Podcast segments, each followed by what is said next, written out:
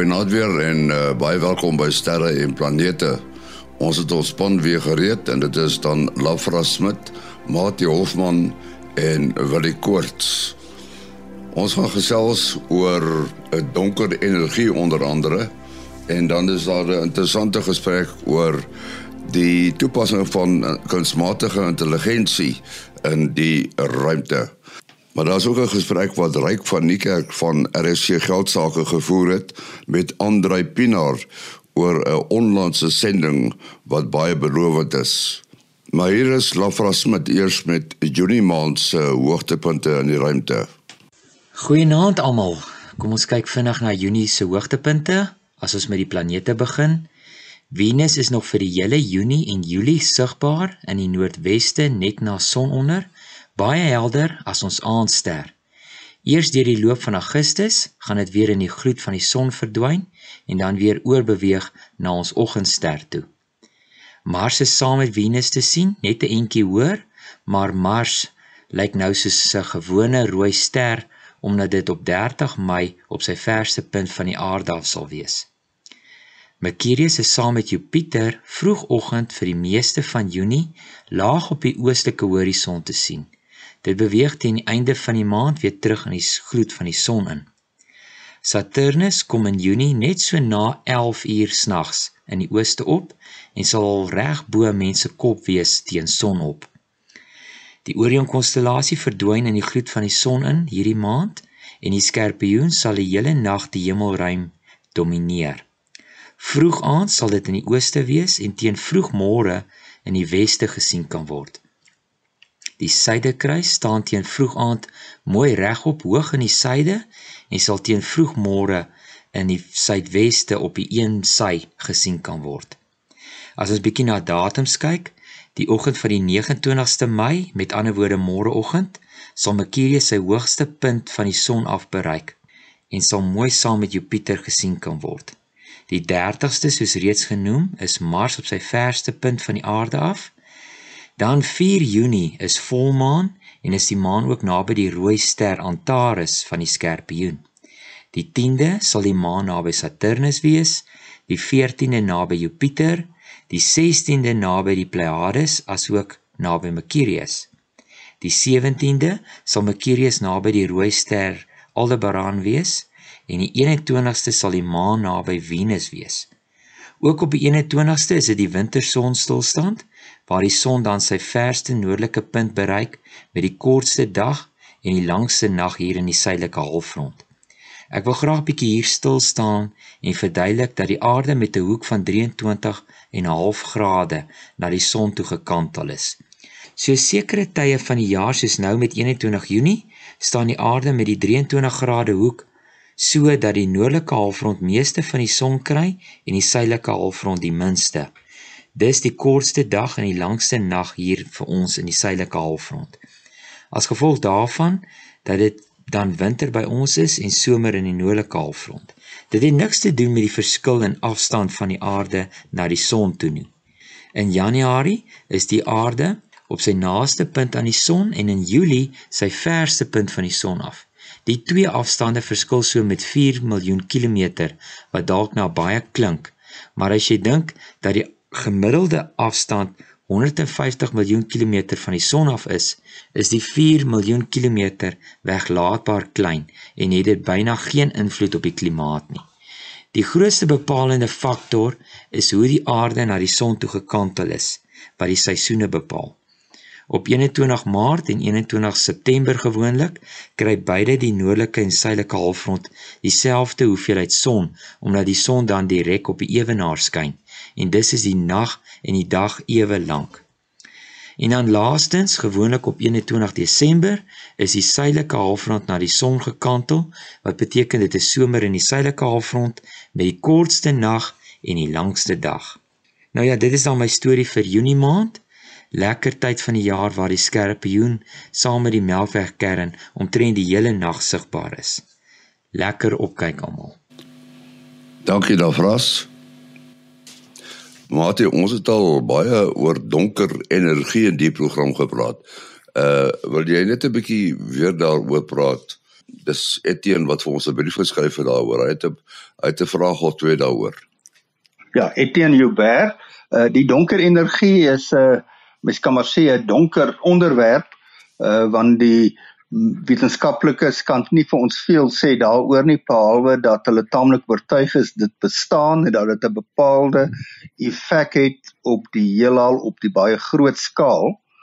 En dit het dan nou om dit te kan verduidelik, uh moet 'n mens nou net uh, kon sê nou maar hersiening doen. Die aanduidings uit die waarneming van baie sterrestelsels op groot afstand by wyse van hulle afstand en beweging dui daarop dat die die heelal uitdui en oral op dieselfde manier. So dit is nie uh, dit is as ware ruimte wat uitdui, nie net die heelal nie. Die ruimte in die heelal is op sigself 'n fisiese entiteit en dit rek. Uh en daarmee uh, rek die afstand tussen enige twee voorwerpe al sou dit nie beweeg nie. Uh mens kan ook relatiewe beweging in die uh ruimte kry wat dan addisionele afstandvergroting of verandering tussen twee voorwerpe teweegbring. Uh, ons het so 'n bietjie daarbey aangesny toe ons laas oor die verskillende rooi verskywings gepraat gepraat het. Die kosmologiese rooi verskywing het te doen met die wegbeweging van voorwerpe bloot onder die ruimte tussen in 'n uh, rek. En nou uit die studie van uh wel op twee verskillende maniere ehm um, uit die supernova tipe 1A waarnemings het hulle 'n bepaalde statistiek kon onbou opbou deur waarnemings op baie verskillende afstande. En op verskillende afstande in die heelal het dan ook betrekking op verskillende tye.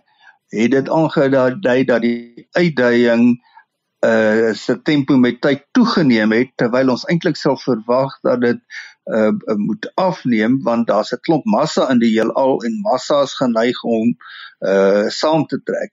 Op 'n ander manier gestel volgens Einstein se interpretasie van gravitasie sal dit die heelal die ruimte in die heelal so buig dat die materie geneig is om na mekaar te beweeg uh soos wat dit die kromming van die ruimte volg want die materie bepaal hoe die ruimte gebuig word en die buiging van die ruimte bepaal weer hoe materie beweeg maar daar's 'n bykomende effek uh, wat hulle in Einstein se vergelykings uh, in kan sit om wat dan optree soos 'n donker energie, amper soos 'n antigravitasie.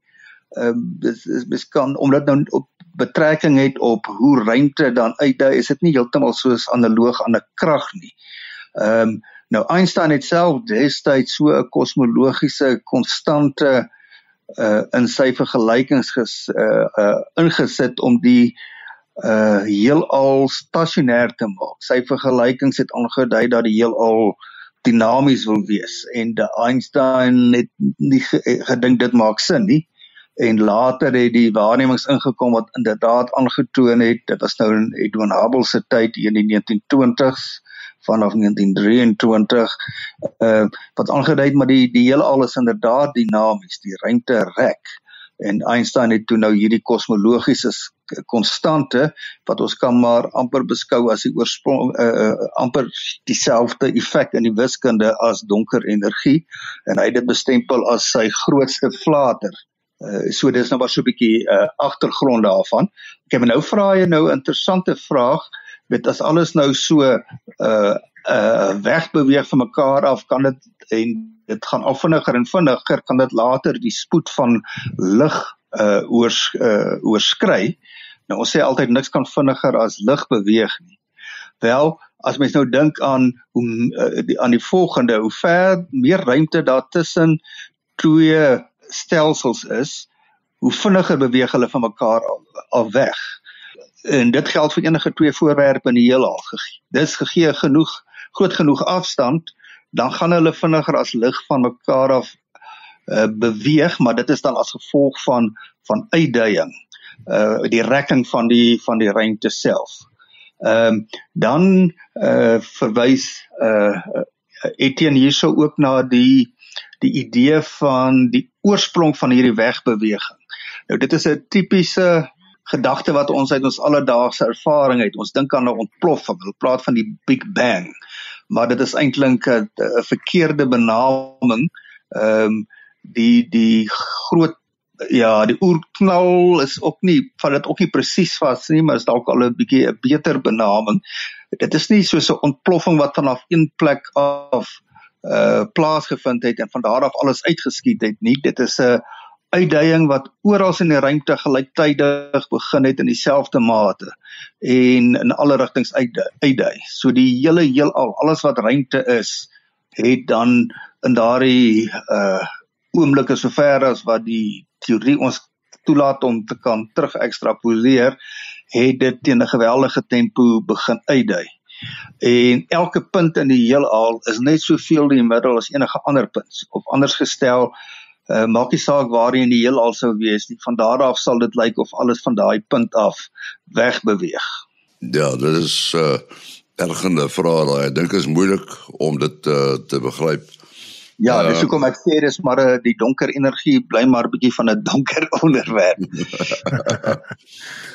ja, wat hier is 'n brief van Ronnie Kriel. Hy praat oor 'n woord wat ons deesdae baie hoor, kunsmatige intelligensie. En hy hy wil weet of dit 'n bydrae kan lewer uh tot ruimtenavorsing ensovoorts.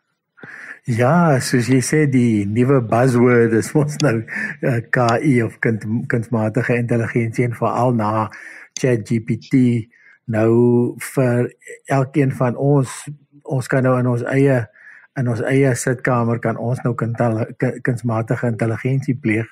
So die ehm um, eintlik uh, interessant genoeg ehm um, dit is eintlik al lank met ons ons het net nie besef nie. Ek, ek meen mense het lankal agtergekom of begin agterkom maar as hy nou skielik 'n vraag het uh, hy wil nou um Bloemfontein se kunsmuseums gaan besoek hierdie naweek uh 'n uh, uh, Kaapenaar wat nooit op Bloemfontein kom nie en en uh, uh, doen goue Google soek tog vir iets daarso in die volgende oomblik kom hier allerhande museum goeders op op sy op al sy sy feeds wat ons noem.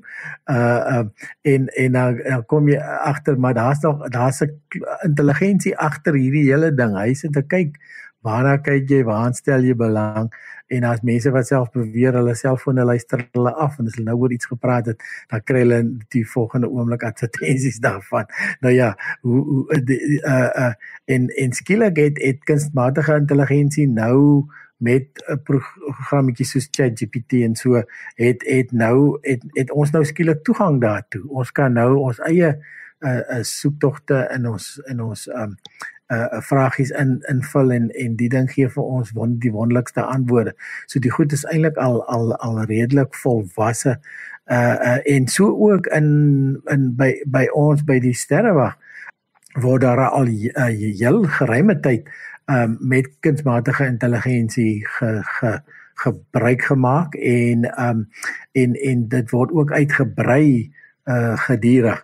Nou uh in een van die gebiede wat wat ons dit by die sterrewag spesifiek gebruik is om die werk van 'n uh, waarnemer oor te vat wanneer daar skielik iets in die ruimte gebeur wat um iets wat al lankal mense wou oor observasies hê want gewoonlik gewoonlik wanneer uh, as uiteindelik teleskope soontoe mik, dan is die dan is die vertoning al verby. 'n uh, goed soos gamma ray, 'n uh, gamma straal, uh, wat 'n paar van gamma ray bursts, uh, strale, uh, sterre wat skielik 'n uh, um, 'n oormaat gamma strale uitstraal. Maar nou om die meganisme te verstaan van van hoe dit gebeur, moet jy eintlik die die ontploffing of die uitstraling moment moet jy kan vasvang.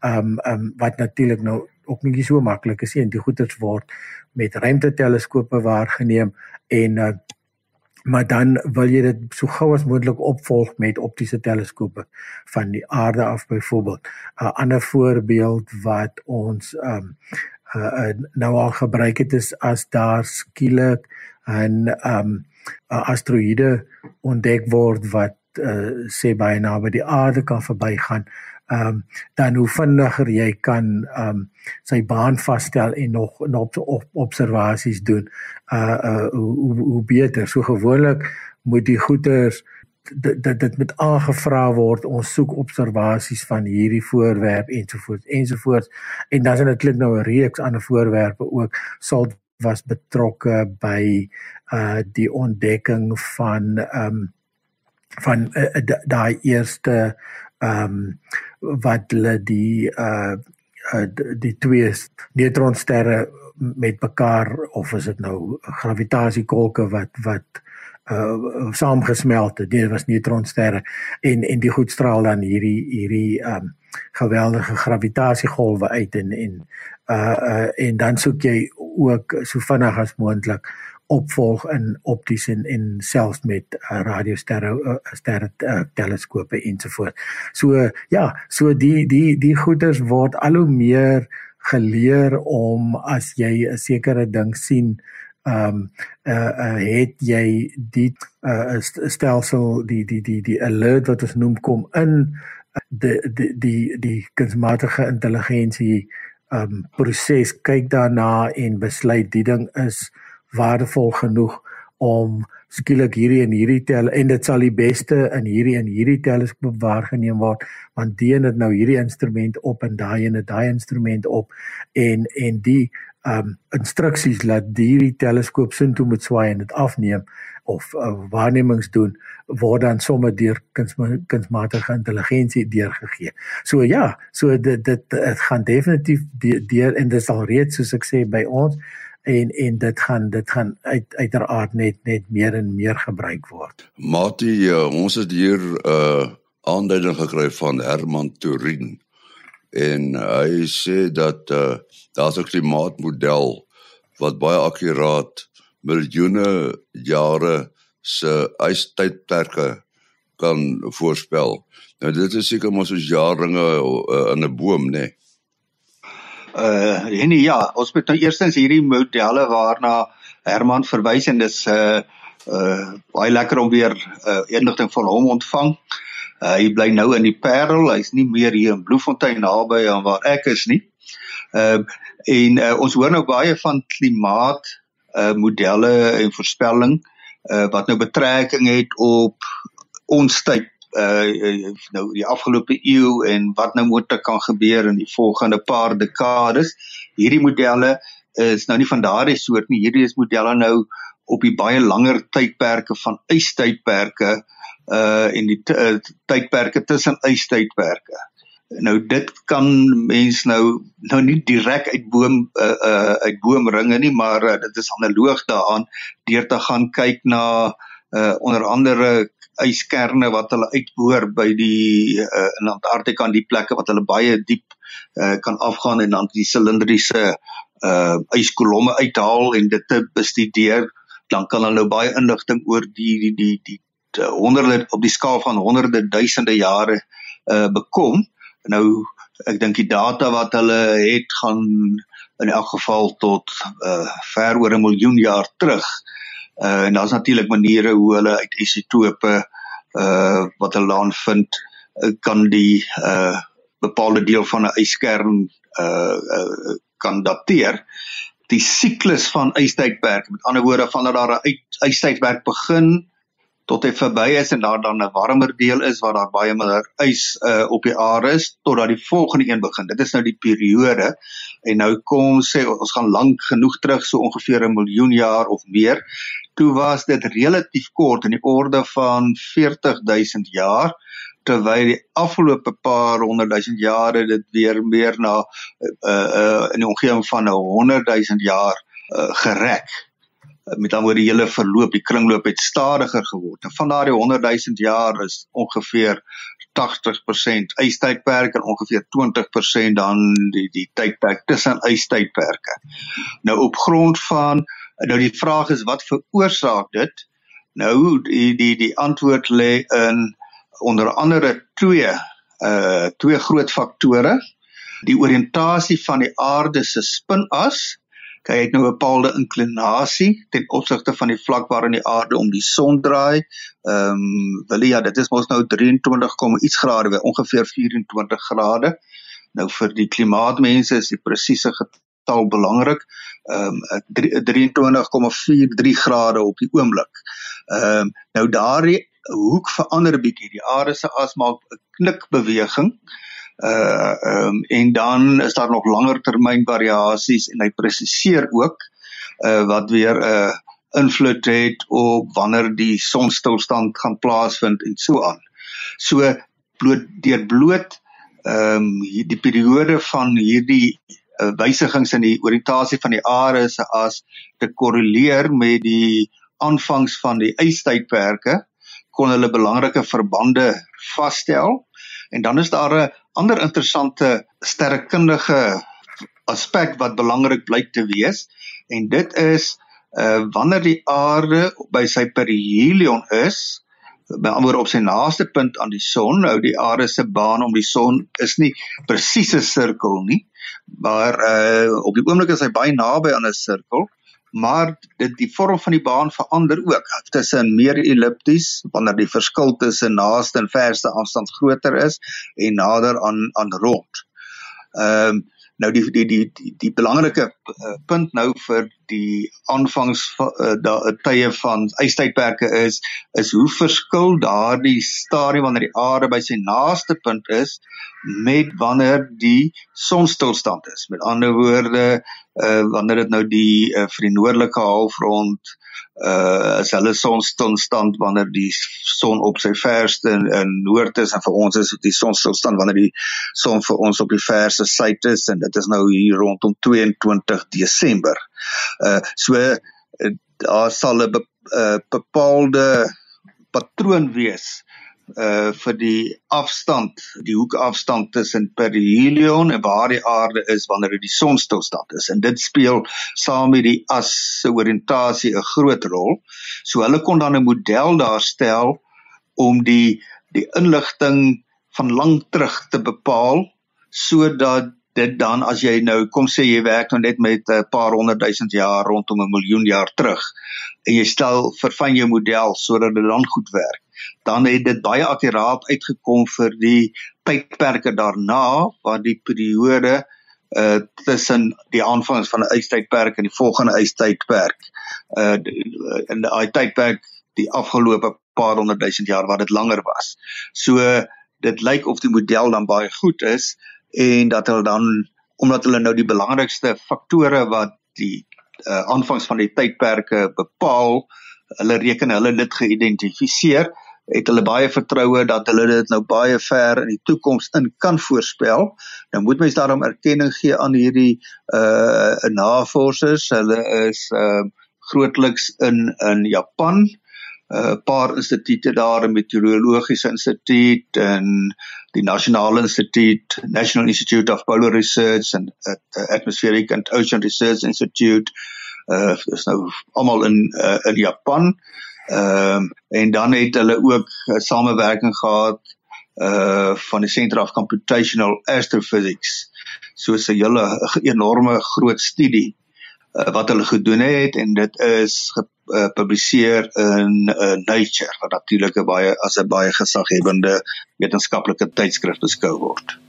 Ryk van Niekerk van RSV Geldsaake het onlangs 'n uh, baie interessante gesprek gevoer met Andre Pinaar in Amerika oor 'n uh, baie interessante sending wat die afgelope dae afgeskop het en ook uh, oor sy maatskappy se betrokkeheid by hierdie sending.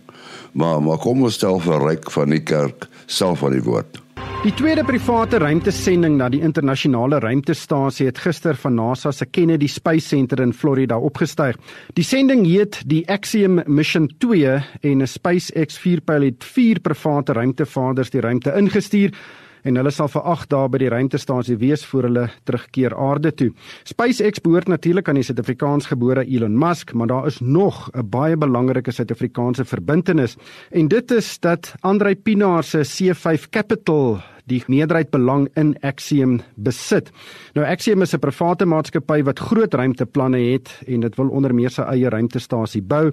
En terloop C5 is ook die grootste aandeelhouer in X Energy en dit is die maatskappy wat die klein kernreaktor bou waar verskeie wetenskaplikes werk wat aan Suid-Afrika se korrelbed projek gewerk het. Andrei, baie baie dankie vir jou tyd. Ek het na die lansering gekyk en dit was baie baie indrukwekkend soos al hierdie lanserings is. Maar wat is die agtergrond van hierdie sending en wat presies was Axiom se rol?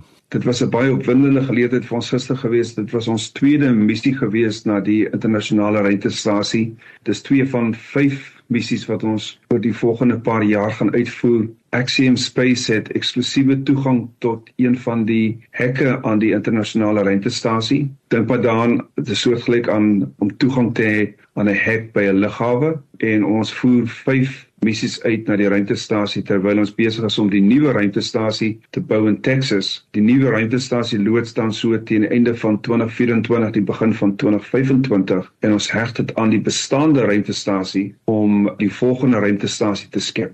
So die Axiom 2 missie wat gister vertrek het, is 'n sleutelstap in die ontwikkelingsprogram vir die internasionale ruimtestasie. Ons gaan nou verder gesels oor daai ruimtestasie, maar hierdie sending, die bemanning was private individue en hulle betaal daarvoor. Ek weet daar was verskeie maatskappye wat soortgelyke dinge probeer doen het en dit het nie altyd gewerk nie. Is hierdie 'n model wat julle nou benader vir finansiering of hoekom doen julle dit so? Senator Bill Nelson wat die administrateur van NASA is, was gister gewees by die lansering van die AX2 missie en hy het gesê NASA is hier met beide kommersiële en internasionale vennote. Ek dink dis 'n kort opsomming van die AX2 missie. Dis eintlik die begin van demokratisering van die internasionale ruimtestasieprogram want ons het 'n privaat individu op die vlug gehad. Ons vlieënier was John Schaffner, 'n Amerikaanse sakeman wat ook op die AX2 missie gevlieg het. En dan het ons twee Saudi ruimtevaders gehad, 'n man en 'n dame, en hulle het eintlik Saudi-Arabië, die koninkryk verteenwoordig. So dit was deelname van land gewees in die missie. En soos jy weet, histories is die internasionale ruimtestasie 'n klub van so 15 lande, maar met die Axiom program maak ons nou die ruimtestasie oop vir al die lande in die wêreld. En dis eintlik die begin van die demokratisering van die ruimte en van die laomwentelingbaan van ruimte in besonder. En dis die begin daarvan dat elke land groot of klein met die ondersteuning van NASA 'n ruimteprogram kan begin bou en 'n program kan begin bou met die internasionale ruimtestasie. En ek sien met so 'n program wat verskillende vlakke het wat elke land in die wêreld in staat sal stel om 'n ruimteprogram te kan bou met die ruimtestasie in die laomwentelingsbaan. Dit was uh, Ryk van Niekerk wat gesels het met Andre Pinaar oor die interessante sending waarmee die afgelope paar dae begin is. Uh goed, wat is jou besonderhede? Ja, mense kan bel of WhatsApp verkieslik 072 45 79208. 0724579208. Mati.